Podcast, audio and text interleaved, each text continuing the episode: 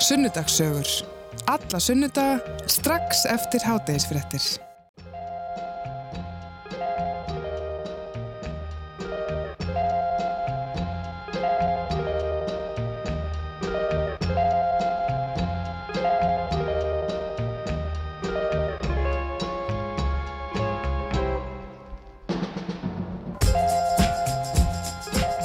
Sæl og blessuð og verið velkomin í sunnudagssögur. Það er Hulda Gestóttir sem stýrir þættinum að þessu sinni og gestir mínir í dag eru af tónelska tæginu.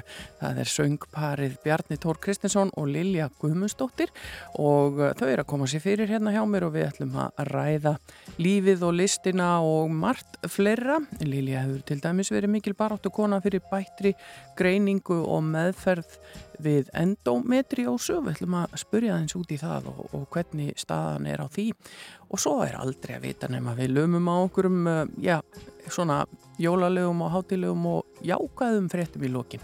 Við reynum að vera alltaf á jákaðu nótonum hérna.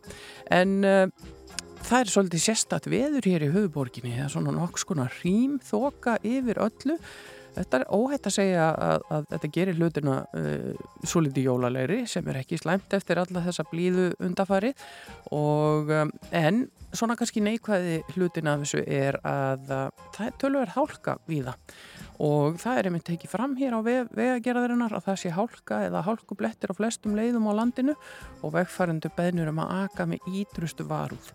Og Þar gildir auðvitað þessi góða regla eh, þegar um hálkun er að ræða. Það er eiginlega bara best að geira hægar. Það er best að ráði við hálkun. En ef við lítum á viðspána, þá er hún uh, einfallega þannig eða hugleðingar viðfræðing segja Í dag verður hægviðri og yfirleitt létt skíjaði í flestum landslutum en lítisáttar súld á köplum sunnalands fram eftir mótni. Á vestfjörðum og norðurlandi vestra er spáðsuð vestan 8-13 metrum á sekundu, skíjuðu veðri og sumstaðar smá vætu og hitin á bílunu 0-7 stig hlýjast suð vestan til. Svo morgun er útlitt fyrir áframhaldandi róliheit í veðrunu, þá gert ráð fyrir skíuðu og dálítilli vætu á norður og vesturlandi en annars bjart viðri og þurft að kalla. Og þannig að þetta er svona, það er aðeins skuldalegir í dag en samt er nú engin svona alvöru vetur í kortónum ekki að sjá á næstunni. En um, það er hins vegar annar í aðvendu í dag, strax komin, mér finnst þetta svo sérstaklega því að veðrið búið svo gott í haust að ég er ekki alveg búin að bara kveiki á því að það sé komin desember og hvað þá annar í aðvendu bara strax. Ég þarf kannski að kannski ég takki upp aðvendugransin þegar ég kem heim á eftir. Það komin tíma á það og aðvenduljósin ég er ekkert búin að gera en þá, það gengur ekki. En ég er hins vegar að byrja að hlusta svo litið á jólalögin og ég ætla að spila hér uh, á meðan þau uh, Bjarni Tóru og Lilja koma sér fyrir hjá mér ætla ég að spila svona eitt af þessum lögum sem að ég held alltaf svolítið upp á í aðdraðanda jóla og, og minni mig á æskuna. Þetta er uh, Ragnar Bjarnason heitinn sem syngur svo fallega er Líða fer að jólum.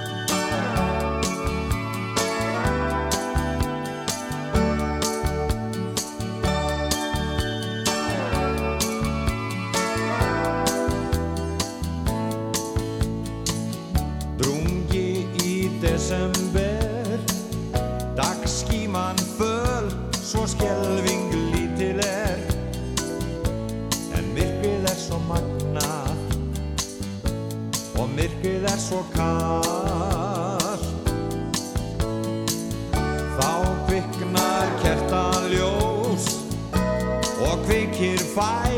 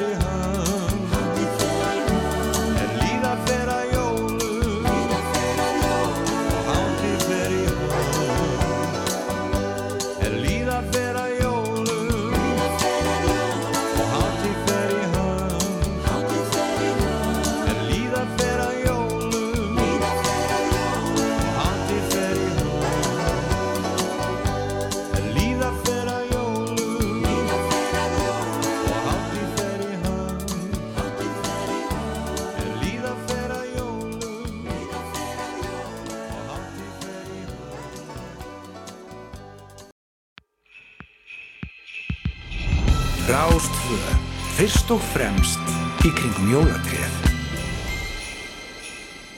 Já, það er að vísu ekki komið neitt jólatreið upp hér í, í stúdíó 2 en hins vegar eru komnir góði gestir til mín í sunnudagsögur. Ég heiti Hulda Geistóttur og ætla að stýra þættinum í dag og með mér eru, já, ég get ekki sagt hjónin, þau eru ekki gift sko en, en þau eru par, við getum sagt uh, söngvarapar, Bjarni Tór Kristinsson og Lilja Guðmundsdóttir. Velkomin, gaman að fá okkur í hús. Takk fyrir. Takk fyrir. Við ætlum bara að spjalla svona um, um lífið og listina og ímislegt sem að á ykkar daga hefur drifið og uh, já, við byrjum nú oft svona kannski á, á uppvextinum og, og upprunanum og, og hvaðan komið þið? Ef við byrjum á þér Lilja, hvað elst þú upp?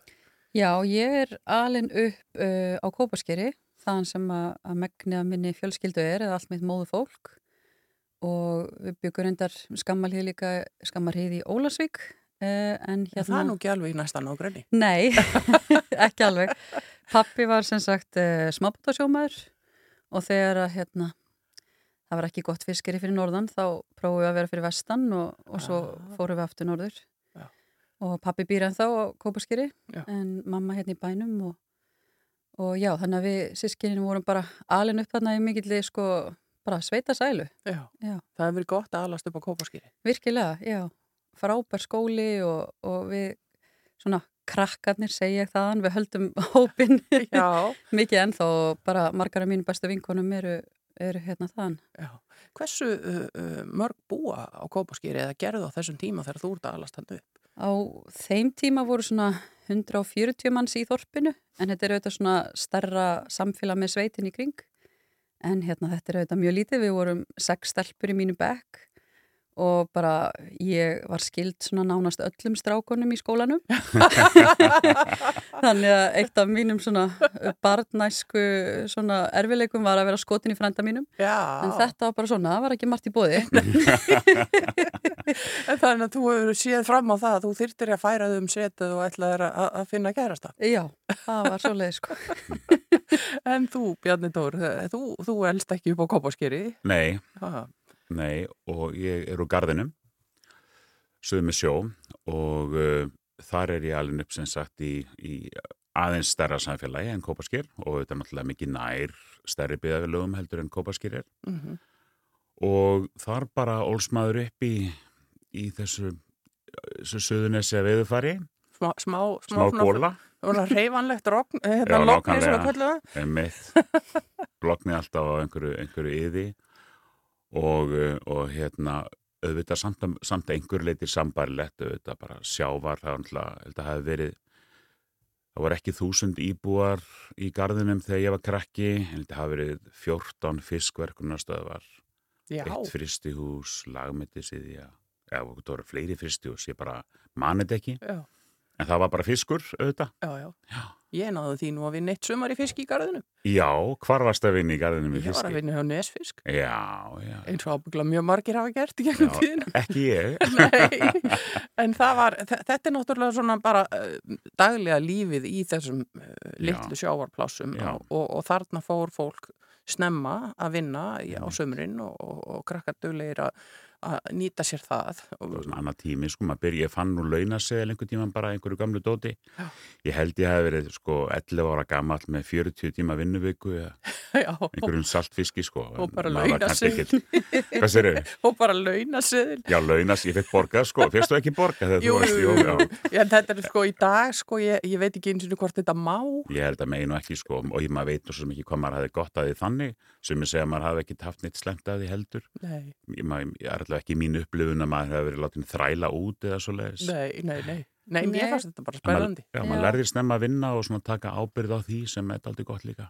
Já, þó að sé 18 ára aldursmunur á okkur sko, þá var þetta svona aldrei svipa hjá mér. Ég var að byrja að beita fyrir pappa hjá 10 ára og okkur í hérna, skólanum í 8. og 9. 10. bekk var keirt beint í sláturhúsið eftir skóla og förstu dögum til þess að fara að vinna og það var bara verðt tíð og þá voru bara allir að hjálpa stað. Já. Ég held að það sé bara mjög, mjög gott. Já, það, það er svona skilar svona ákveðni já, þekkingu bara á því hvernig hlutin ganga fyrir sig. Já, og vera svona hluta samfélaginu, vinnu samfélaginu líka. Já, Já. En Lilja, þegar grunnskólanum líkur og, og, og þú svona uh, þarft að fara að horfa í kringum þið, uh, hvert fórstu þá? Eh, ég bjó þá fimm ára á Akureyri, ég var í mennskólum á Akureyri og, og hérna var svo einn vettur í viðbót þar og var þá, byrjaði mitt líka að læra söng í tónlistaskólanum á Akureyri þegar ég er 16 og já, leik með leikfélagi Akureyrar, uh, var í áhuga leikfélagi líka, bæði mentaskóla og utanskóla og, og hérna, ég átti bara frábæran tíma á Akureyri sko. Já. Mér það líka svona smá heim. Já, er ábygglega ítök í þér. Mm En, en söngurinn, 16 ára að ferða að læra söng, hafði Mhm. það uh, blundað í þér eða var þetta eitthvað sem kom upp bara þegar þú mætt hana á Akureyri? Nei, það hafi sannlega blundað í mér. Mér er nú sagt að ég sé eina af þessum sem hafi sungið á næstu áni byrjað að tala uh, og hérna kom fyrst fram svona þegar ég var sex ára, Já. svona eina að syngja og, og þegar við fluttum aftur á kópaskýrið mitt þegar ég er tíu, nei átt ára þá spyr mamma hvort ég geti fara að læra að syngja en, en tónlistakennan þar þótti hann aldrei snemt. Já. Þannig að hérna, það vantaði þverflötu í lúrasveitina, það var lúrasveita á þessum tíma, þannig að það var bara farið í það, en bara um leið og ég uh, komst í starra byggðalag, þá gæti ég fara að læra að syngja. Já. Það hef, Já. og það hefur leiðið bara uh, fyrir þér og þú hefur verið spennt fyrir þessu. Já, algjörlega. En ertu enn að spila á þörflutuna? Nei, ég er svona, tek hana stundum fram með mitt um jólin og, og spila svona eitthvað jóla, eða við Mm. saman, Bjarn og gítarinn Já, og ég já, svona okkar byggja. þörflutuna, já, en já, ég er nú engin þörflutuleikari sko. Já, bara mjög fína Já, sko, já. ekki að vittlisu. En Bjarni, þú varst aðeins eldri þegar þú fóst í þinn fyrsta söngtíma. Já, ég, ég held, ég var svona að muna þetta, það eru svo langt síðan. ég, ég var komin yfir tvítugt þegar ég fór í, fór í minn fyrsta söngtíma Já. En, og það var inn í Njarvík. já, þá var ég að kenna í grunnskólanum og uh, vinnu minn, uh, góðu vinnu minn, hann hérna dró meila með sér í söngtíma. Ég held ég sé ekki að ljúa ég hafi verið byrjar að kenna þá. varstu tregur í taumi eða fannst þetta spennandi? Sko, ég, mér fannst þetta ekki sérstaklega skemmtilegt. ég, og hérna, og ég held ég hafi nú verið svona mörguliti tregur í taumi en, en ég hafa var búin að vera mikið í hérna áhuga leikfélagi, garðinum, litla leikfélagi hérna. Lék þar alls konar hlutverk, lítil og stærri hlutverk í svona barnaleiklutum Mm. og hafði kynst leikhúsi þar, það hafði verið, eh, við vorum með eh, leikstjóra oft, Reykjavík, reynslu mikla leikara, þannig að ég var hann svona aldrei heitlaður af þeim heimi og kannski þegar ég svona áttaði maður tengingunni söngur og leikhús sem náttúrulega ópera er, Mhm. þá fór hjólun að snúast, þá fór ég að hafa meira áhuga á þessu. Og hvernig, hvað tók svo við? Hver, hver, hver var þróunin að því að síðan endar þú sem atvinnu uh, óperusöngari? Já, ég bara, já, ég veit ekki, þetta, þetta svona slýsaðist aldrei, ég, ég hérna, eh, byrjaði sem því söngtum inn, inn í Njarvík, bjóð þá þar og var að kenna, svo flutti ég til Reykjavíkur, fór í stjórnmálafræði, eh, kynntist konu, átti með henni tvö börn, held áfram í söngnáminu svona með og var svona með aðal áhersluna á stjórnmálafræðin til að byrja með, svo bara var söngurinn með svona skemmtilegri og skemmtilegri og... en ég sá þetta aldrei fyrir mér sem einhverja atvinnu. Nei. Svo kom hinga til lands uh, söngkennir frá, frá Östuríki og heldur námskeið og ég fór á þetta námskeið og hún segi bara við mig, heyrðu, þú ert að læra að syngja í útlöndum, kottu til vínar að læra Já, og hérna, og ég hef með tvö lítil börn og, og, og við bara skelltum okkur til vínar að læra að syngja. Já, bara upp með fjölskyldunum af stað. Já, bara er, þetta er eitthvað svona, þetta hefði aldrei gerst ef við hefur alveg upp í Þískalandi eða einhverju svona samfélagi þar sem að menn taka ekki svona kvatvísar ákvarðan eins og við gerum sko. Nei, þetta er svolítið svona íslenskt. Daldi íslenskt, já, bara að drífa sér að stað sko og mitt eldra batn mitt dótti mín með, með þroskaskerðingu, með Down syndrom og hérna við letum það ekki stoppa okkur heldur og svona Nei. og drifum okkur bara út. Og hvernig var að takast á við það að koma með tvö lítil börn og, og, og inn í bara nýtt samfélag, nýtt tungumál, um, leita upp í þá félagslegu þjónustu sem þið, þið þurftu og annað þess að bara hvernig var það? Það var auðvitað sko, það var litið stórt skref og, uh, og við tókum bara það ákvörðin eftir nokkra mánuði að, uh, að sambíliskona mín og börni myndu fara aftur heim Mm. og við varum bara í fjarbúð af því það var auðvitað bæði náttúrulega tungumálið svo bara austuríkismunum komnir stittra í þróuninni þegar kemur að, að þjónustum málum, sérstaklega gagvart uh, þroskaskertum Mm. og, uh, og hérna þannig að þau fóru heim og ég held bara bjó bara einn áfram úti. En hvernig var það? Var það ekki derfitt? Jú, það var auðvitað mjög erfitt, en svo var ég náttúrulega líka bara eins og kannski er þetta aldrei í þessum námi og er í þessum, í þessum uh, listabransa, maður er bara allir mikið fókusur á sjálfan sig og ég hef örgulega bara verið það upptekin að því sem ég var að gera á meðan hérna móðurinn var með börnin hérna heim á Íslandi Mm. og reynda fjölskyldan líka, Mm hjálpa til Já. og svona, en ég hef örgulega sett mig í fyrsta sæti þarna að þess að getur nú kannski munaða beint. Já.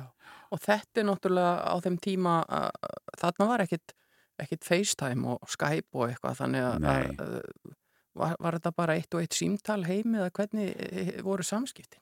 Já, það var náttúrulega svona, uh, tölvutækni var svona að byrja að, að, að koma sko á þessum tíma. Þetta er hérna 94 fyrir út sko. Já, það er, svona, það er svona dottið allavega í tölvupóst. Já, tölvupósturinn er að koma sko. Þetta var ekki, þetta var ekki alveg eins og sögurnar sem maður heyrði að þeim sem að voru, höfðu verið tíu árum áður og, og töluðu í tver mínútur, kannski mánuði heim eða eitthvað höfðu gefnað meiru. Láttu við var- það. Já, það. Ég fór í nám til bandaríkjana og mamma ringdi eins og í mánuði Já, og símtali fór að mestuleiti í það. Við skulum ekki tala of lengi, þetta kostar svo mikið. Já. já, já, en þetta var svona, svo, svo bara gerist þetta hægt, svo, svo slitu við sem sagt eh, okkar, okkar samvistum eh, nokkrum árum setna, Mm. en ég hef alltaf verið í mjög góðum samskiptum bæði við mína fyrirrandi og, og líka við krakkana, þau hafa líka verið bjólengi úti líka, þau koma oft út og, og svo sérstaklega eftir ég flutti einn aftur heim þá hefur verið meiri samskiptum, þau eru nefndir náttúrulega bara uppkomin núna, Já, já, já, já. En uh, heldur að þetta fyrirkomulag eða svona bara þessi raunveruleiki hafi eitthvað spilað inn í það að, að, að svona samba, sambandi bara glinaði? Er þetta erfitt að vera Ég- svona, í sund, svona í fjarbúð? Já, ég held allavega sko fjarbúð hún setur kannski eh, samband fólkstaldið í svona test, hvernig það sé. Ég held að, að það sé ekkit endilega alltaf ástæða fyrir því að einhver sambúð gengur ekki, en ef að það getur auðvitað verið ástæðan, en ef að kannski bara eh, fólk getur held ég verið í sambúð lengi og, og, og án þess kannski að það sé það rétta, Já, af því það reynir einhvern veginn ekkit á það. nei. Þetta, þetta getur verið, Þetta er svona test, sko. Já, já. En það er svo langt um liði, ég bara... þú, þú manst þetta ekki lengur. Ég man þetta ekki sko lengur, nei, ekki þannig. En það hefði örgulega sitt að segja og, og þetta var maður bara líka þroskast í einhverja nýja átt Já. sem söngvari en ekki sem einhver Íslendingur í, í hérna háskólanum í stjórnmálafræðin sem ég hefði verið áður. Já, Þetta er bara allt annar heimur, allt annar raunveruleiki. allt annar raunleiki. Stoppaður einhvern tíman svona bara og kíktir í speil og hugsaði með þér byttu, hvað er ég hérna, gaurinn úr garðinum að gera hér bara á... Og garðinum, hvað var þetta? Ég, ég meinti það ekki, ég meina bara ég svona... veit hvað meina. hvað er ég úr garðinum að gera Já. hérna í Vínarborg? Nei, ég hugsaði, ég held ég hefði bara aldrei gert það. Nei, Það var einhver tíman bara þegar ég var orðin söngvari stóð á sviðinu, þetta hafi verið í, í óperunni í Vísbaten, ég var svona öðru þriði ári sem atvinnusöngvari og þá bara allt í hennu fattaði ég það að einhvern tíman hefði bara verið að læra að syngja og svo er bara orðin atvinnu söngvari og með hérna, hundramanna hljómsveit og fullu hópurhúsi og ég datt bara næstu úr karakter. Ég bara brá. Þá kom það svona einu sinni og það var ekki einu sinni speill sko. Nei, það En var bara svona hérna- raunveruleika Já, tjekk. fyrir raunveruleika tek svona bara í meiri sýningu sko. Nei, ég held að svona að hérna að þetta er auðvitað ekkit fyrir alla kannski að fara svona óvennilega leið. Og ég er svona í grunninn frekar kvatvís og það hefur ábyggilega haft sitt að segja, Já, trúgjöru. já. En hvernig var þetta hjá þér, Lilja? Þú, þú ert þarna á Akureyri í fimm ár og, Mhm. og, og byrjar að læra söng og var það, settur stefnuna þá á að verða söngvari eða tónlistamæður uh, í fullu starfi eða uh, hver var línan hjá þér? Já, ég myndi segja það. Ég var alveg frekar ákveðin í því að, að verða söngvar. Ég fekk eh, bara mikla kvartningu frá mínum kennarum fyrir norðan, um, fór svo um, hinga söður og, og hérna lærði hér í fjögur ár. Var einmitt þrjú af þeim hjá Dittu sem var frábær tími og, og eftir það þá bara uh, fór ég beint í, í mastersnám til Vínar og var þar í fimm ár. Og hérna, svo kom ég tilbaka og og hérna já, ég hef svona verið starfandi sem sönguna, mest hérna heima eitthvað aðeins erlendis og en svo hef ég líka verið að gera einmislegt annað. Já, já, og hérna um, einhver tíman svona uh, já, örgulega sambland bara af því að, að ég er kannski ekki alveg til í að einhvern veginn vera alveg alla leið í þessu fara alla leið í þessu og líka bara kannski tækifæni sem er buðust eða hvað sem það var. En, Mhm. en líka svona ákveði heilsuleysi, ég var ekki alveg alveg hraust og hérna ákvað þá að fara aftur í háskólan já, hérna heima meðan að, já, þegar ég kom tilbaka og ég hafði þess að byrja í félagsrákjöf áður en ég fór út og ákvaða að klára það og hérna og starfa í dag við bæði. Ég er sérst Já. fórstöðumar á sambíli fyrir fallafólk og hérna og er líka söngkona, starfandi og söngkennari. já, Mér finnst það bara ofsalega fínt já, að vera með þetta svona, já, Já, það er svolítið svona minni svona press einhvern veginn að, Já. að hérna, það veltur ekki allt á þessu giggi, þú Nei, Já, það henda mér Já, sko. en þið eru þá bæði með þennan vínarbakgrunn Já. og hafi Já. lært þar bæði. Já. En, en, Á mjög ólíkum tímum. já, en þegar þú ferð út, Lilja, Já, ertu þá bara ein þekktur einhvern annað eða er þetta bara, hoppar bara um, út í já ég kannast við eina stelpu, við ákveðum að búa saman. Uh, við Bjarni vorum með þetta, byrjuð saman þarna þegar ég flytti út, við erum búin að vera saman í einhver 16 ár. 16 núna. ár, já, rúmlega. Þannig að hérna, við vorum í fjárbúð, við erum svo sem ekkit, þekkjum ekkit annað. Nei, Bjarni er alltaf einhver staður úti og, og hérna ég mikið hérna heima eða heimsækja hann og Þú heima að sauma og svona Jú, jú. prjóna. Og... já, ég er alveg að kaupa þetta. Nei, en hérna allavega þá, svona, þegar ég var í Vín, þá var ég að sömuleiti bara oft nær þar sem hann var og, og bara heimsótti hann þar sem hann var að syngja. Já, ég kom oft í vína líka og svona. Já. Já, Já. Þannig að vín hlýtur að eiga svolítið svona sérstakann stað í ykkar Já, hjörnum. já. Já, held ég allir sem hafa búið í vín að, að hérna, fólk á svona kannski ekki ásthatur samband við vín Nei. þetta er, þetta er náttúrulega daldið annað samfélag en við höfum að venjast fólk er svona það er svona neikvæðari tóttn í fólki í grunninn, svona ef þú- býrð þarna Já. það var gaman að koma heimsækja vín og þetta er auðvitað þetta er náttúrulega stórkostlega fallið borg Já. já. og tónlistarlífið er Já. rosalega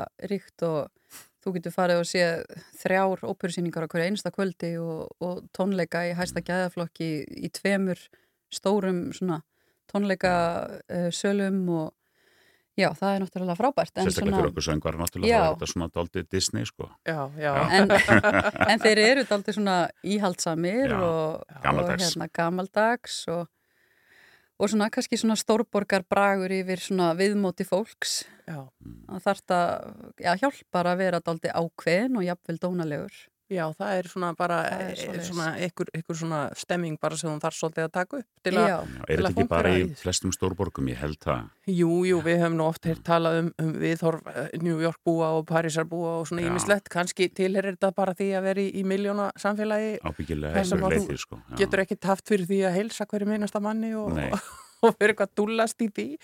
En, en þeir hafa þá kannski ekki kunnað heldur að meta svona þetta þetta íslenska agaleysi og svona bara þetta rettast að um? dæmi Nei og svo kemst maður auðvitað bara að því þegar maður flytur svona til Evrópu að við Ísleitingar erum bara daldi dónaleg að mörgu leiti. Maður fekk svona daldi uppeldi hann sem að, ég minna, ma svo getur maður verið sammála því eða ekki, þú Já, veist, já. en úti þykir bara okkur þegar segja að byrja á drikknuðinum áður en að allir eru komin með drikk eða, eða eða byrja á matnum þínum áður en að allir eru sesti niður og komin með sitt á veitingastöðum eða í bóðum og Já, og, og til dæmis stundvísi.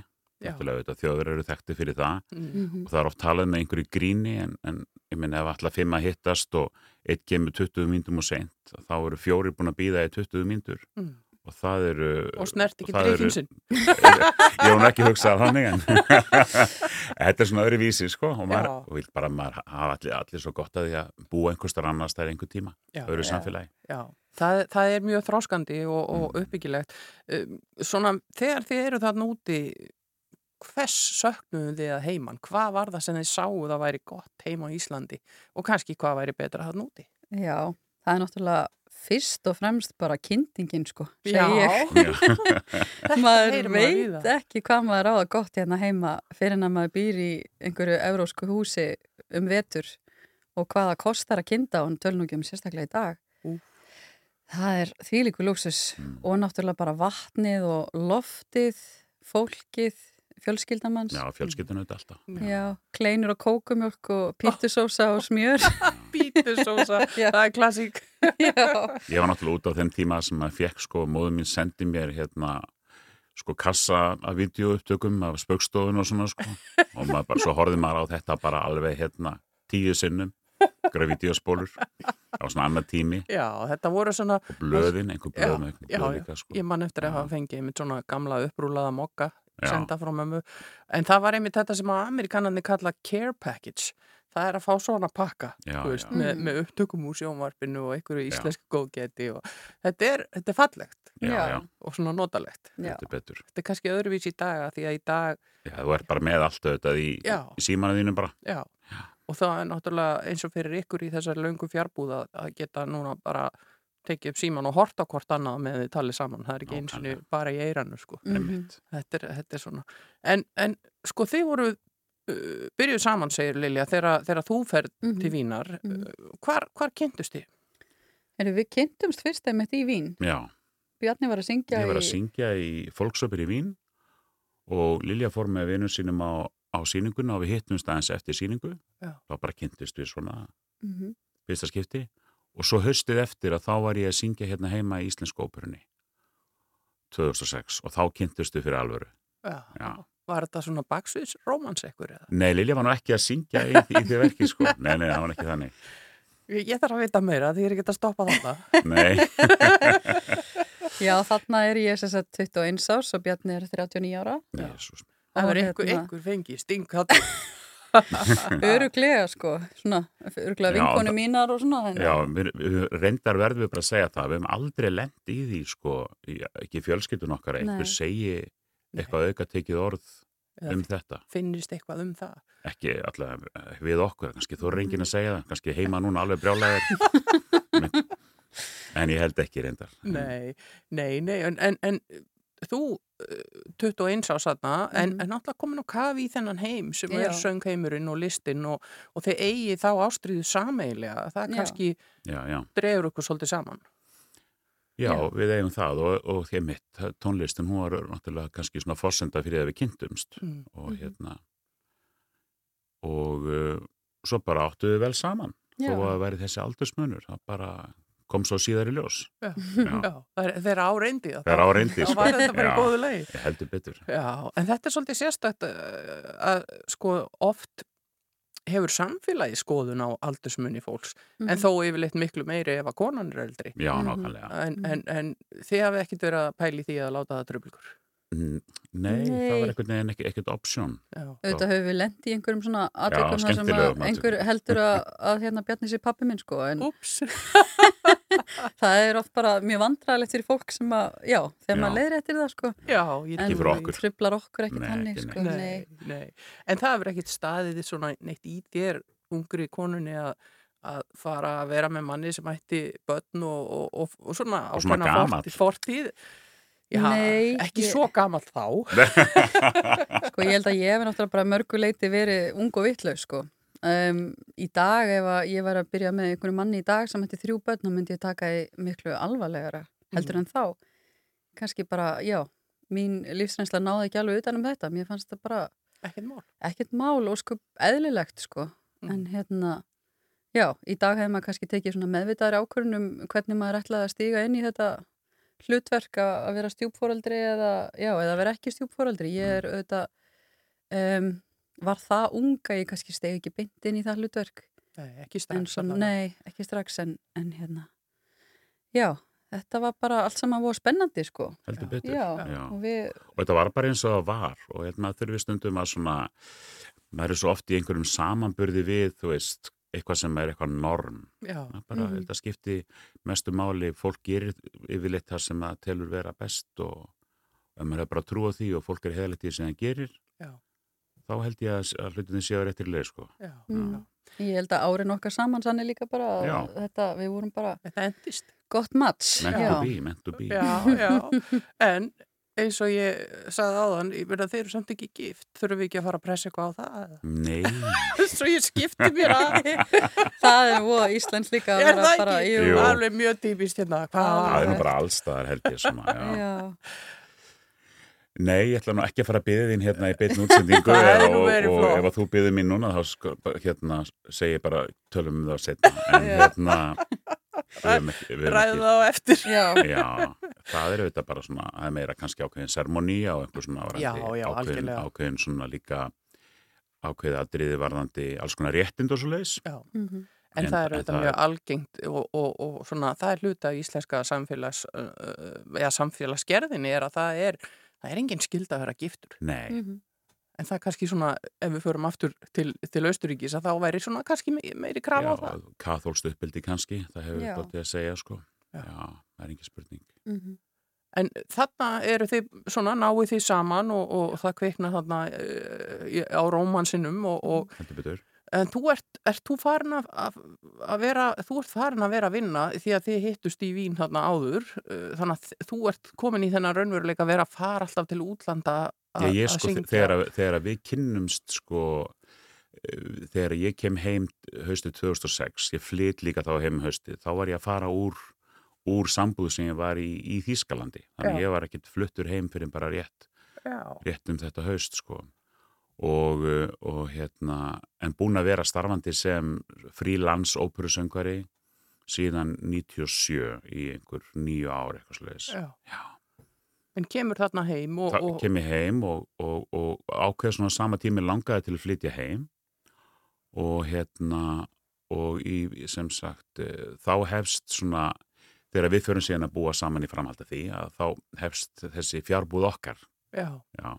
en í sjálfis eins og þau átt til dæmis heim í Berlín að þá var það var alveg sama líf nema það var bara maður var að fara eitthvað annað veist, þá var ég kannski að syngja einhver staðar á Ítalíu mm, og þá var það spurningin um einum klukkutíma minna eða meira í flugvél já, já, var- ég, þess, ég, ég þekkti þennan raunveruleika ágætlega sjálfur sko. já. Já, Að Það var svona bara mismunandi hvar, hvar eh, heima eh, stöðin var nákvæmlega, og, og svo gert út þaðan. einmitt. En sko, ef við stöldum aðeins við þetta líf, þetta, þetta líf óperusöngarans, uh, tala nú ekki um frílandssöngarans, sko, hvernig er þetta? Lýstu þess aðeins fyrir okkur, hvernig það er að, að vinna, ég meina það vantarlega, það er ekkert mikið starfsöryggi nema þá þegar þú ert ráðinn í eitthvað óperuhús til lengri tíma, hvernig virkar þetta allt saman?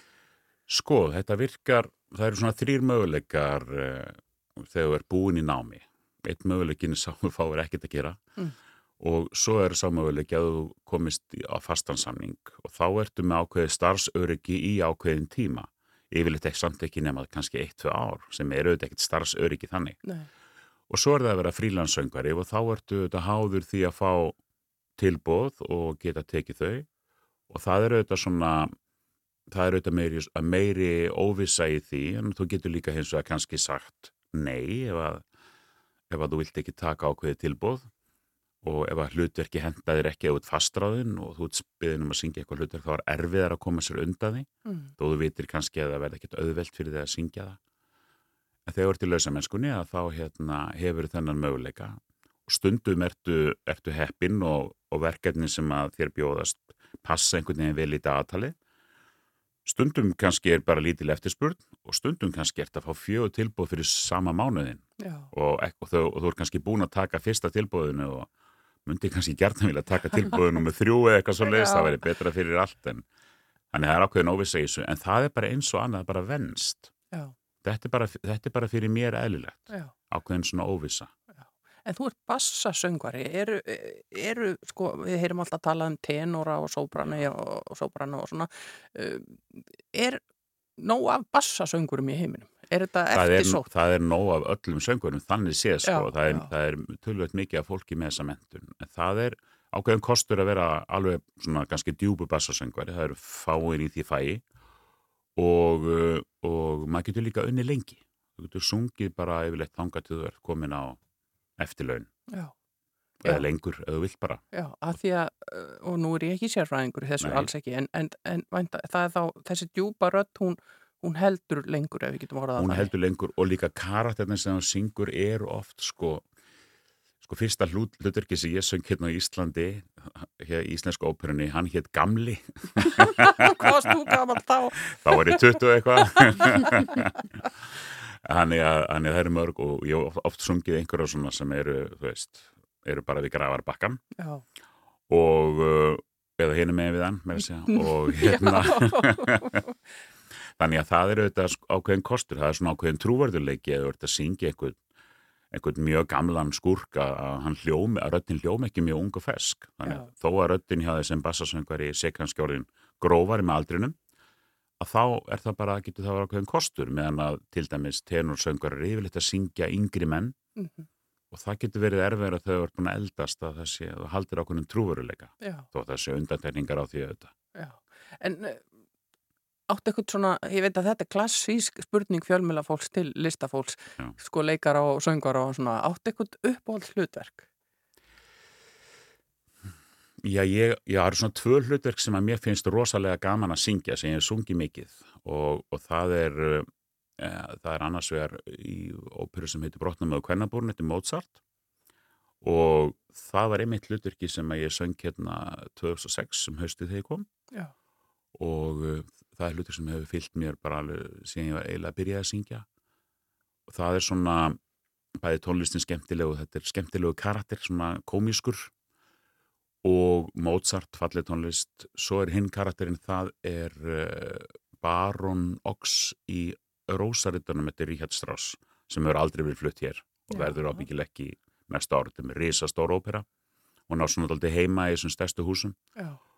Og ég líka sungi þetta hlutverk mjög mikið og mér þykir sérstaklega vænt um það því að það er bara erfitt hlutverk og ég fengið að syngja það ansi víða, gengi vel. Mm og uh, maður er lengi að læra það. Fyrst ég er búin að læra það þá langar mér til að syngja það oftar. Já, já, ef við búin að hafa er verið en það er svona eitt af þessum stóru hlutverkur sem að bassana dreymir um að syngja. Já, og ég var bara, ég var þrítugur þegar ég söng það fyrst eða eitthvað slags, mjög ungur. Já, og uh, En það var einmitt í því hlutverki þar sem ég fekk svona reality check hérna já, bara hér er ég. wow, ég bara syngja þessa, þetta rosalega hlutverk hérna og, og bara, þú veist, hvort sem maður er skilið ekki en, en hérna, það var þannig upplifun já. En þú hefur verið mikið í Þýskalandi og í Evrópu en, en samt einhvern veginn, þú er búin að fara samt út um allt í, í vinnu. Hefur Já. verið eitthvað í Ameríku? Eða? Já, ég hef aðeins, en ekki verið mikið í Ameríku. Ég söng í Chicago, var þar í þrjá mánuði, hann er komin, lang, uh, komin langt síðan. Já, Síðan hef ég verið tölvert líka í Asíu, sungið oft í Tókjó og í Peking.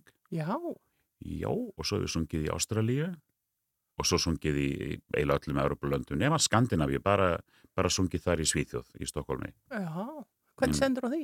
Það Maður hefði haldið að væri svo stutt að fara þanga. Já, Það þetta, bara að raðast þannig. já, þetta er bara ræðast þannig. Þetta er náttúrulega líka spurningin um umbóðsmenn, hvað þeir hafa, hvað þeir hafa sambönd og Mm og þetta, það er svo stór þáttur í þessu er, er kannski bara hefnin Já. hvað er verðt á hvaða stað og svona og hvenar En þetta stóra hlutur sem þú nefndir hérna áðan, ef við tökum það bara sem dæmi, er, er þetta þannig að þú getur fest, og þá segi ég innan gesalappa, í ekkur ákveðnu hlutverki, þú kemur og gerir eitthvað frábærlega og, og, og þá ertu svona bókaður í þetta sama verkefni víða um heim. það hefur náttúrulega gerst með söngvara sko, Mhm. við þekkjum nú til dæmis eina sem að söng nætudrottninguna í sko 25 árið eitthvað þá var hún ekki komin, alveg komin í þúsund sýningar en hún fór yfir það síðan sko Vá.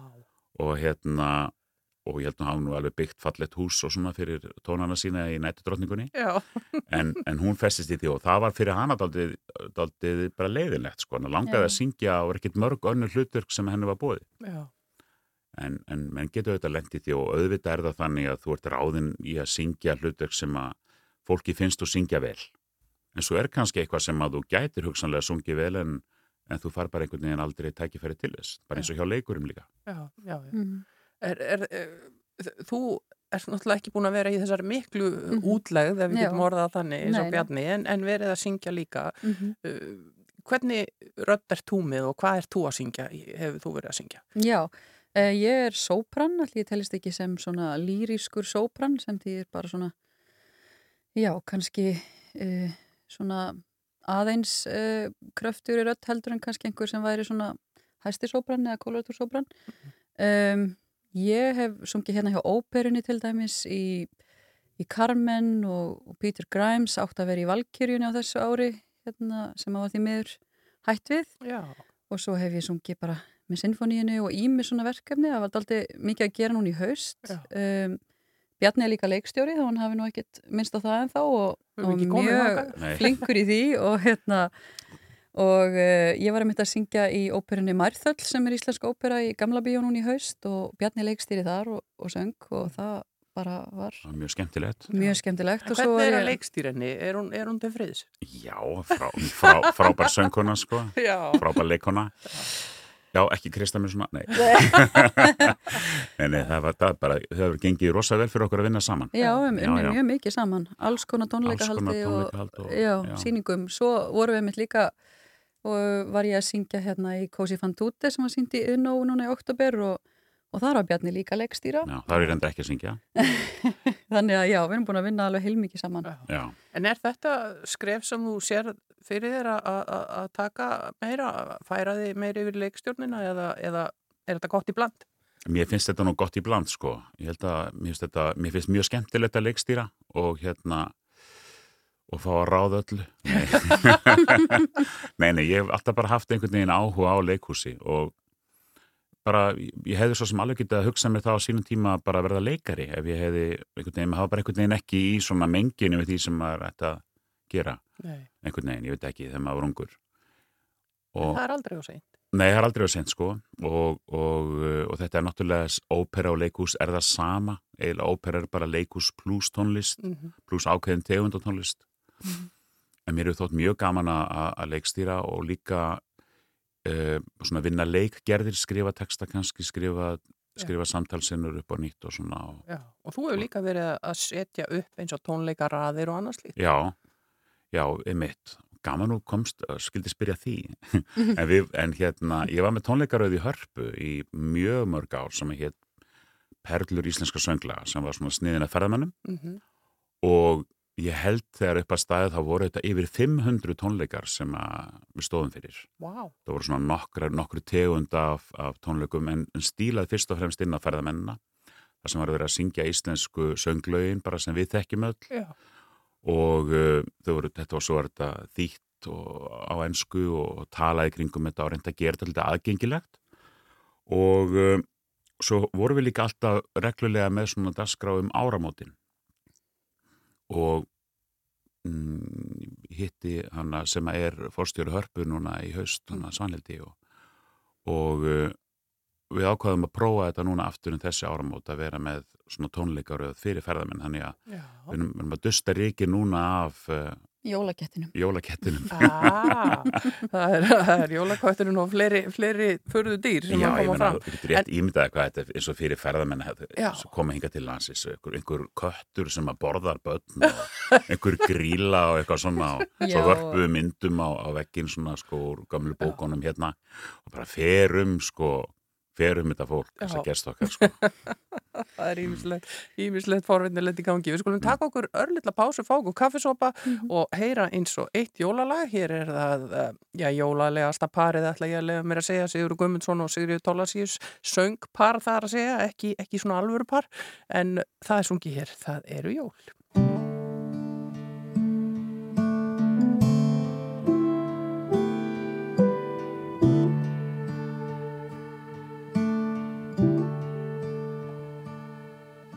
Þó áður hefðir þau mögulega gefið eira fyrir snúð. En nú orðið nokkuð örglega seif að fara í búð. Þótt þér engar sjáist ostrur er þó harðfiskur og smér Það var skinsamlegur kostur að skálma á eftir þér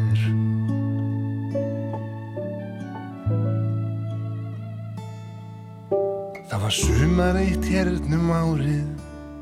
Svo ljóst lifand og bjart Svo leið ár, svo gránaði hárið Sem hér áður þótti svart. Mér vitraðist fyrir en varði Að það væri kannski rétt Að söngla litla vísu Sem er svo til nokkurn veginn rétt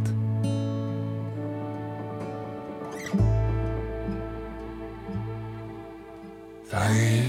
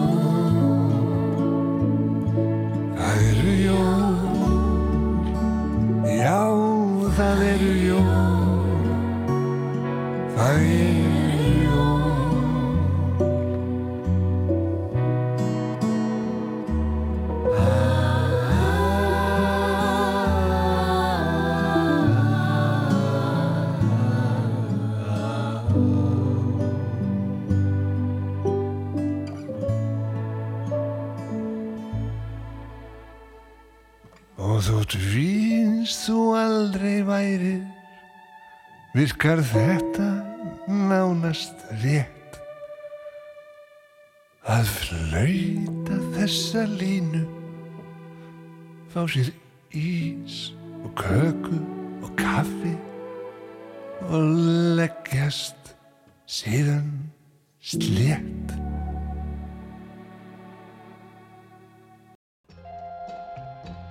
Þú ert að hlusta á Sunnudagssögur. Alla sunnudaga klukkan 12.40 á Rástvö. Jú, við erum hér í sunnudagsögum og höfum það notalegt saman. Uh, úti er rýmþoka held ég hún sé kölluð, en hér inni er bara hlít og, og notalegt og, og kaffipolli við hönd og gesti mínir í þættinum í dag eru Bjarni Tór Kristinsson og Lilja Guðmustóttir, uh, tónelst par. En uh, það er svo margt um að tala, við gætum ábyggilega að setja hérna í allan dag. Við erum búin að vera að tala um lífið og listina og svona líf söngvarans að faraldsvæti. Uh, við ætlum að taka smá hliðaskref núna og, og ræða um uh, já, baráttum mál sem að, Lilja hefur sint af miklu móð undanfarin ár og, og þú nefndir hérna áðan að þú hefði kannski ekki farið út í þetta ferðartösku líf vegna þess að þú varst ekki alveg fullkomlega heilsurhaust og, og, mm -hmm. og, segð okkur aðeins frá þessu. Já, um, það er þannig að svona, svo ég sé bara fræðileg, já, að svona um, 60% kvenna sem eru með endometriósu eins og ég uh, eru bara mjög slæmar frá því að það eru úlingar. Já. En hjá mér þá var ég einað þessum í 40% þar sem að þetta svona smá stigmagnaðist svona upp úr tvítugu og ég er sérst 25 ára þegar ég fer til Vínar að læra að syngja og verð strax þar daldi slæm Já.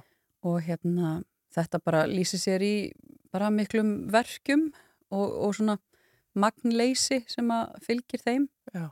Fyrir fólk sem er að hlusta það núti mm. og mhm. þekkir þetta kannski ekki hva, hvað er endometriósa? Já, þetta er daldi um, það er daldi flókið þetta er flókið svar uh, Læknavísindin vita ekki nákvæmlega ennþá hvað þetta er eða af hverju þetta kemur en þetta er sem sagt list sem svona frumu ofvöxti oft í hverhólnu en hefur fundist í öllum lífærum líkamanns um, og þetta eru sem sagt frumur sem líkjast frumunum sem eru í leggslímunu í leginu.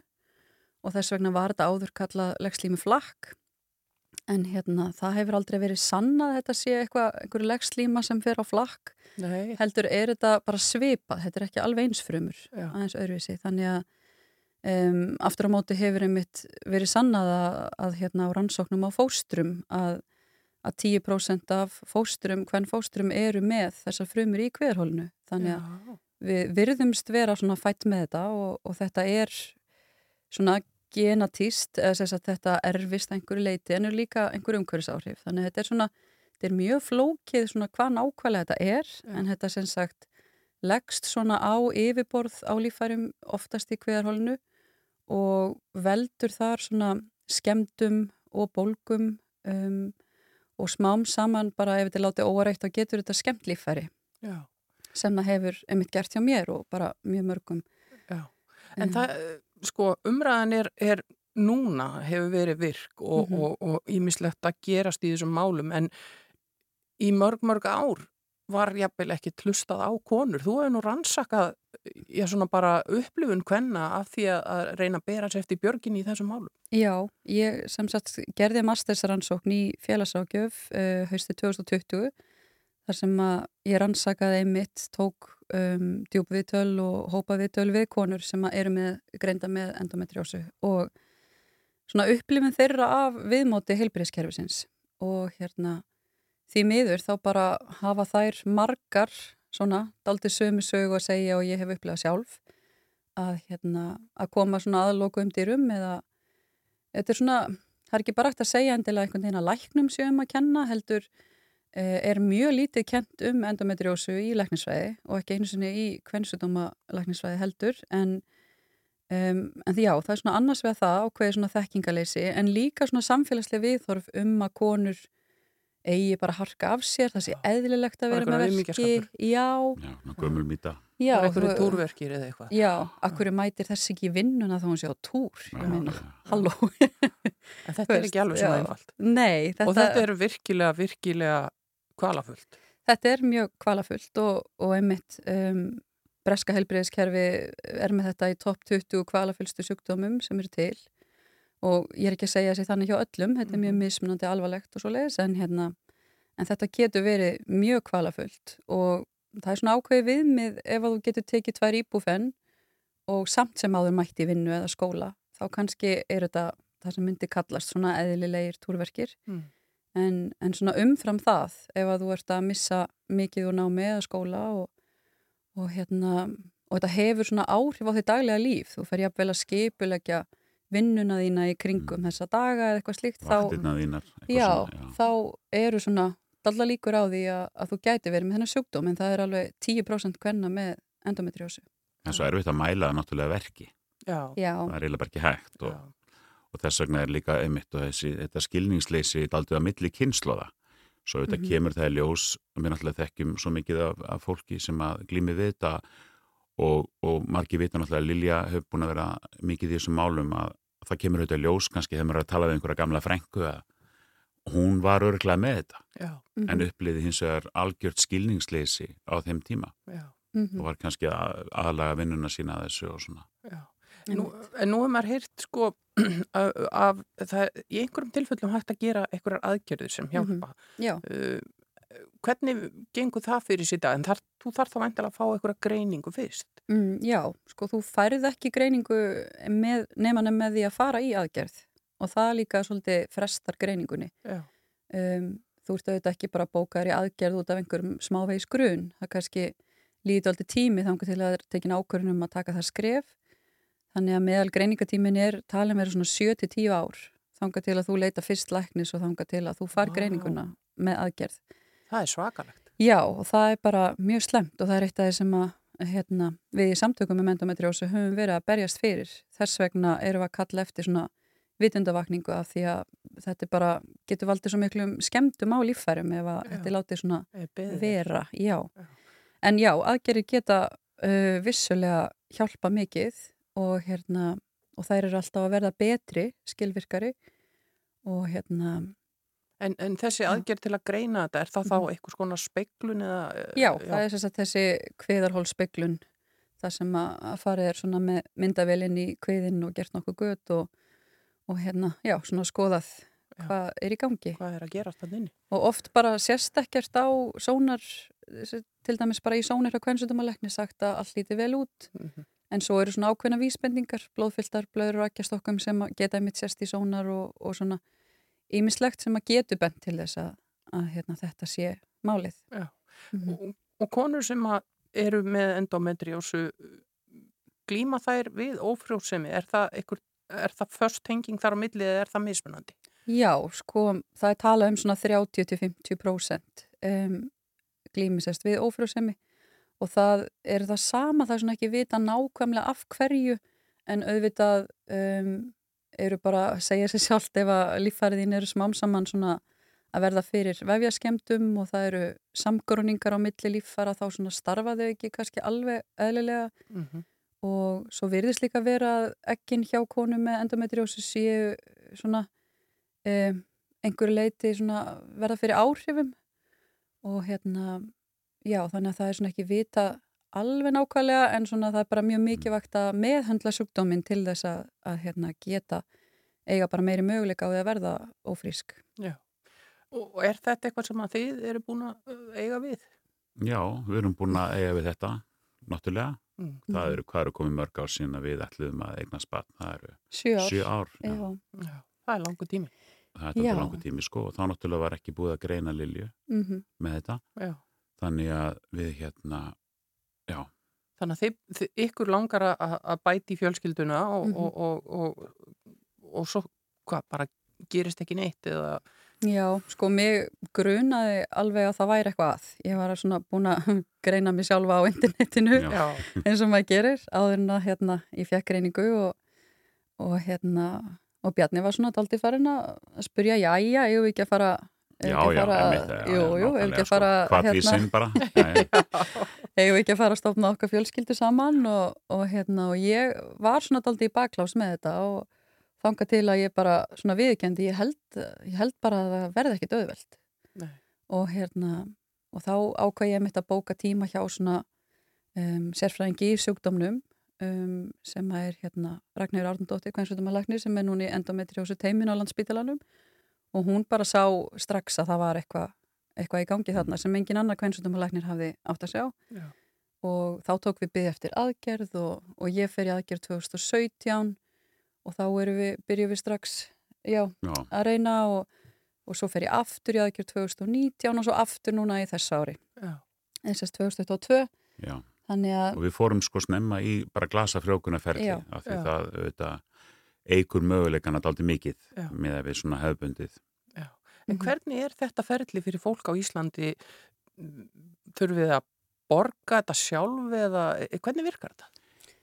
já, heldur betur Já, það er sko, það er náttúrulega, það er hægt að fara í, í glasafrjókun, það er eitt fyrirtæki hérna heima sem að, sem að sérhefi sig Mm. og en við svona áttuðum okkur daldið snemma á því að, að bara ge- gegnum neti líka að mörg pör eða margar konur sem glimtu við endometriósu þær leit, fóru til til að snemmi ferlin að leita sér aðstofar elendis Mm. og þetta hefur náttúrulega bara daldið með smæðin að gera þetta er lítið land hérna og, og viða elendis er bara komin meiri sérþekking Já. og margir sem hafa fengið úrlaust sinna mála eins og það heitir á, á erlendum frjósemis stofnunum. Mhm. Þannig að við byrjuðum bara til til að snemma Já, við bara byrjum á því að fara til Prag, Já, fórum þangað í nokkuð skipti. Um, svo gekk það ekki og, og þá höfðum við síðan miklar umræður um að það væri góður árangur uh, í Gríklandi og ákveðum bara að taka skrefið að fara þangað, það er auðvitað lengra í burtu og, og svo leiðis og höfum verið í meðferðum þar síðan 2018 og þar fór ég mitt í tvær aðgerðir á, á leiði af því þeir skoða það mjög vel. Mhm. Komið mitt í ljós um, síking og bólgur í leiði og samgróningar og sem að e, þeir allavega sögðu að ég hefði aldrei geta haldið fóstri Já. nema að takast á við það Já. þannig að já, við erum samtals búin að fara í sjö svona fullar hormonameðferðir og ég er auðvitað búin að fara í þrjár enda aðgerðir og, og tvær aðgerðir á leiði og þetta er svona síðustu fimm ár þannig að þetta hefur verið svona mjög krefjandi tími heldur betur. Já. og mjög kostnæðasamt. Við myndi giska á svona 6-7 miljónir sem þetta hefur kostað okkur. Auðvitað hefur maður fengið einhverja greiðslu frá stjættafélagi eitthvað slíkt en mjög lítið upp í, í rauninni Já. alla þennan kostnað og, og svona Þetta er bara veruleikin hjá öllum sem er að glíma Já. við þetta náttúrulega. Já, Sko. já. En, þetta er svona- þetta ekki eitthvað skakt? Ég meina, já, við erum að borga háa skatta hér inn í okkar samfélag og, og, Mhm. og við þess að, að, að, að helbriðiskerfið og samfélagið grípa okkur þegar við þurfum á því að halda sama hvaða mál við erum að eiga við þar. já. Þetta er Mér- ósangjant. Já, mér finnst þetta nefnilega mjög ósangjant og hérna þess vegna hef ég líka svona reynd að opna svolítið umræðinu um ófyrsemi. Við höfum verið mjög opinn með okkar ferli og yfirleitt heyrir maður ekki viðtölu fólk í fjölmjölum nema, nema að hafa orðið einhver svona kraftaverk. Þannig að til dæmis núna í vor þá ákvað ég að fara í viðtal um, við morgunblæði þar sem að við vorum ekki með svona kraftaverk og sögu, við vorum bara Nei. ennþá á kafi í þessu ferli og mér finnst já, mér finnst þetta mjög ósangjant að þú ert með einhvern sjúkdóm eða hvað svo sem hver ástæðan er sem að þú glými ófrúsemi og, og að þú þurfir að, að hérna leggja á þig allan þennan kostnað. Já. En Þetta er, uh, og, og náttúrulega allar þessar ferðir út og, og, og þið eru langt í burtu, bursi frá kostnaðanum sem eru auðvitað stór, stór þáttur. Mhm. Þetta er erfitt, þetta lítur að reyna á sambandið og bara reyna á þig, Lilja, þetta er, þú ert að takast á við alla þessa líkamlegu þætti. Mm -hmm. Hvernig gengur ykkur að, að svona bara halda haus í, í gegnum svona ferli? Okkur hefur gengið sko, náttúrulega, þetta er auðvitað fyrir kannski spurning til Lilju, en okkur hefur nú bara gengið ágætlega þannig sko. Mm. Þetta hefur nú bara styrt okkar samband ef eitthvað er og, uh, og uh, þetta er auðvitað samt sem að þau er búið að vera, þetta reynir á taugarnar en við höfum náða hérna okkar á milli, við höfum náða að takast á við þetta saman Já. sem betur fyrr. Já, og líka bara svona halda lífinu áfram. Já, halda lífinu áfram á sama tíma. Um, já, ég fekk, eh, leitaði mér bara sálfræðaðstóða svona í upphafi þegar við vorum að, að leggja þetta ferli og fekk bara þá ráðleggingu að, að láta alls ekki, ekki býða, þú veist, Mm. með að skipta um starf ef, að, ef þú veist í þeim hugleðingum af því þú er kannski mögulega ófrísk Mhm. einhver tíman, þú veist. Mhm. Þannig að eftir á að higgja er ég líka rosalega glöð að þetta hefur bara tekið svo langan tíma Já, að við bara höfum svona verið fókusur á að lifa lífinu og þetta er bara svona hluti af því. Já. Já, nákvæmlega. Fólk fær mismandi verkefni og, og þetta hefur verið stórt verkefni hjá okkur. Heldur betur. Mm og Já, og svo mitt, mitt í haust og þá ákvaðum við að fara, sem sagt ákvaðu Lilja að fara eins, við, í uppsetningu eftir að, eftir að hafa verið í aðgerri sumar. Svona allir stóri aðgerð, þannig að við höfum svona smá vonir kannski að það geti gengið og, og einmitt svona bara eins og, eins og Lilja var að segja, já, lífi helt bara áfram, heyrðu já, heyrðu ok, kaupa flug á morgun, já, fljúa til Greiklands og fara í uppsetningu og koma svo heim og svo helt bara lífið áfram. mm Já, og svo bara, Já, við vorum að sína þarna síðustu síninguna af Mærþöll já, einmitt í Gamla bíó, á sunnudegi. sunnudagskvöldi og mánudagsmotni flýið til Greiklands. Já, Var þá búin að vera undirbúið mig á livjum og svona já, meðan já. við vorum að sína. Einmitt, komst tilbaka Og- á hvað, miðvikudegi eða fimmtudegi? Já, fór bara út í tvo daga og, og í þá okkar sjöndu uppsetningu Já, og bara okkur að óverum þá tókst það Mm. og þannig að já, nú er- erum við sem sagt við erum náttúrulega trúum með sögð ekkert alveg ennþá, þetta er ekki komið en það eru komnir, við erum komin þrjá mánuð á leið, ef við getum sagt það Mhm, þannig að núna er þessi, núna er þetta svona hálft kraftaverk Já. Já, mhm. En þetta, sko, ég veit ekki hvort ég get fengið ykkur til að lýsa tilfinningunni. Þetta lítur að vera svona einhver sk- blanda af eitthvað skonar, svona óttablandinni tilhökunni. Ég veit ekki hvað maður á að kalla algjörlega nákvæmlega þannig sko. Algjörlega. við mik erum miklu meðvitari ábyggilega heldur en flestir aðrir sem eiga að vona á sig sko, hvað ge- getur farið úrskeiðis. Mhm. það er ekkert sem bendir til þess en við erum örgulega miklu uppteknar af því heldur en margir aðrir. Já, og hérna, já, erfitt einhvern veginn að trúa þessu, ég er ennþá svona, eh, bara getur þetta verið satt, Já. já, bara mjög blenda tilfinningar. Já. En allt lítur vel út og, Já. og, og, og, og full ástæði til þess að vera bjarsýtn og, og Heldur halda betur. áfram veginn. já og, líka bara það þó við værum eitthvað að reyna að vera ekki glöði yfir þessu þá yrði sorgin ekkert minni ef að það gengi ekki Nei, þannig að Nei. við bara leifum okkur það að gleðast yfir þessu og við erum ekkert hjátrúafull þannig að við segjum bara frá þessu og svona Mhm. og hérna leifum þeim bara að gleðast með okkur sem vilja Já. og það er örgulega mjög margir. Mjög já, margir, það var sannlega verið margir. Þetta, er, þetta, eru, þetta eru góð tíðindi og, og já, eiginlega bara svona bestu tíðindi sem maður fær. Ég er eiginlega alveg að fara að skæla, sko. þetta er svo fallegt. En, en uh, gaman að fá ykkur hérna. Tíminn er alltaf svo fljótur að líða. Maður byrjar Mhm. þáttinn og, og, og, og svona, já, vá, þetta er alveg svona langu tími og svo Já. endar þetta alltaf þannig að uh, mér langar að sitja áfram í annan klukkutíma með fólki. En uh, stýttst í annan endan hjá okkur hér í sunnundarsögum og, Mhm. og virkilega gaman að- fá okkur hérna. Kannski eitt í lokin, Lilja, að því við erum að ræða þessi endometriósu mál. Það Mhm. eru ákveðin tímamót núna eh, í sambandi við kostnað við þessar aðgerðir. Það er eitthvað að gerast í því núna. Já, við í samtökunum, ég er sérst formaður samtakana, við höfum verið uh, í mikilli baráttu að uh, reyna að þrýsta á stjórnvöld að aðgerðir sem sagt við endometriósu hjá Jóni Ívar Einarsin á klínikinni verði niðurgreitar. Uh, hann er sem sagt bara virkilega fær sérfræðingur sem að starfa að mesturleiti í bandaríkjónum en, en hóf fyrir árið síðan að gera aðgerðir hérna Mm -hmm. og um, það þarf að vera mikill sérfræðingur til þess að gera góðar aðgerðir á þessum sjúkdómi. Og hérna þannig að núna á einu ári þá hafa um 140 konur farið aðgerð hjá honum og borga fyrir það 700.000 til 1,5 miljónir sem að okkur finnst auðvitað bara ekki í lægi Mm. þannig að við höfum bara verið fundað með heilbriðs á þeirra og, og reynt svona að skapa þrýsting og, og bara okkar félagskonur hafa mikið hjálpa okkur í þessari baráttu og núna náður samningar í síðastleginni viku Mhm. sem að er bara engar gleðilegt já, heldur betur og við gleðjumst bara alveg virkilega bara með öllum þeim sem að munu þá geta nýtt sér þessa þjónustu óháð efnahag og, og bara, já, Þetta er líka svona ákveðin hugafarsbreyting finnst okkur vera í kerfinu. Já. Kanski bara fyrsta skrefið að mörgum vonum við. Mm Já. algjörlega, Það er æski, óskandi að svo sé. já.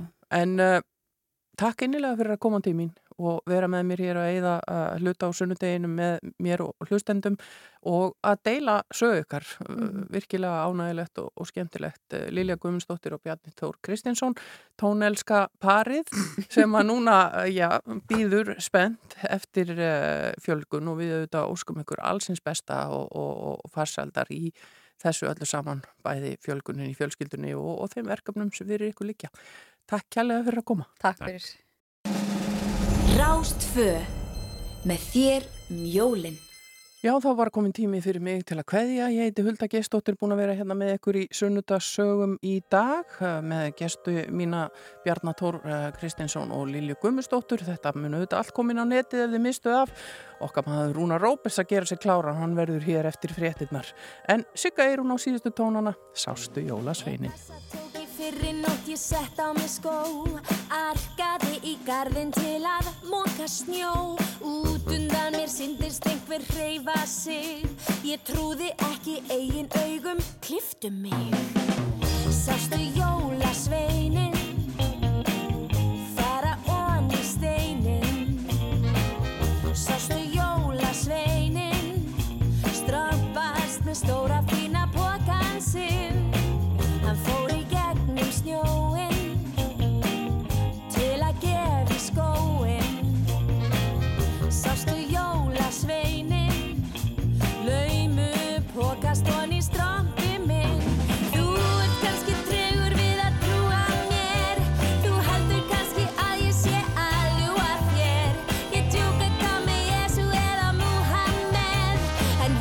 Steinn er ekkert til að grínast með.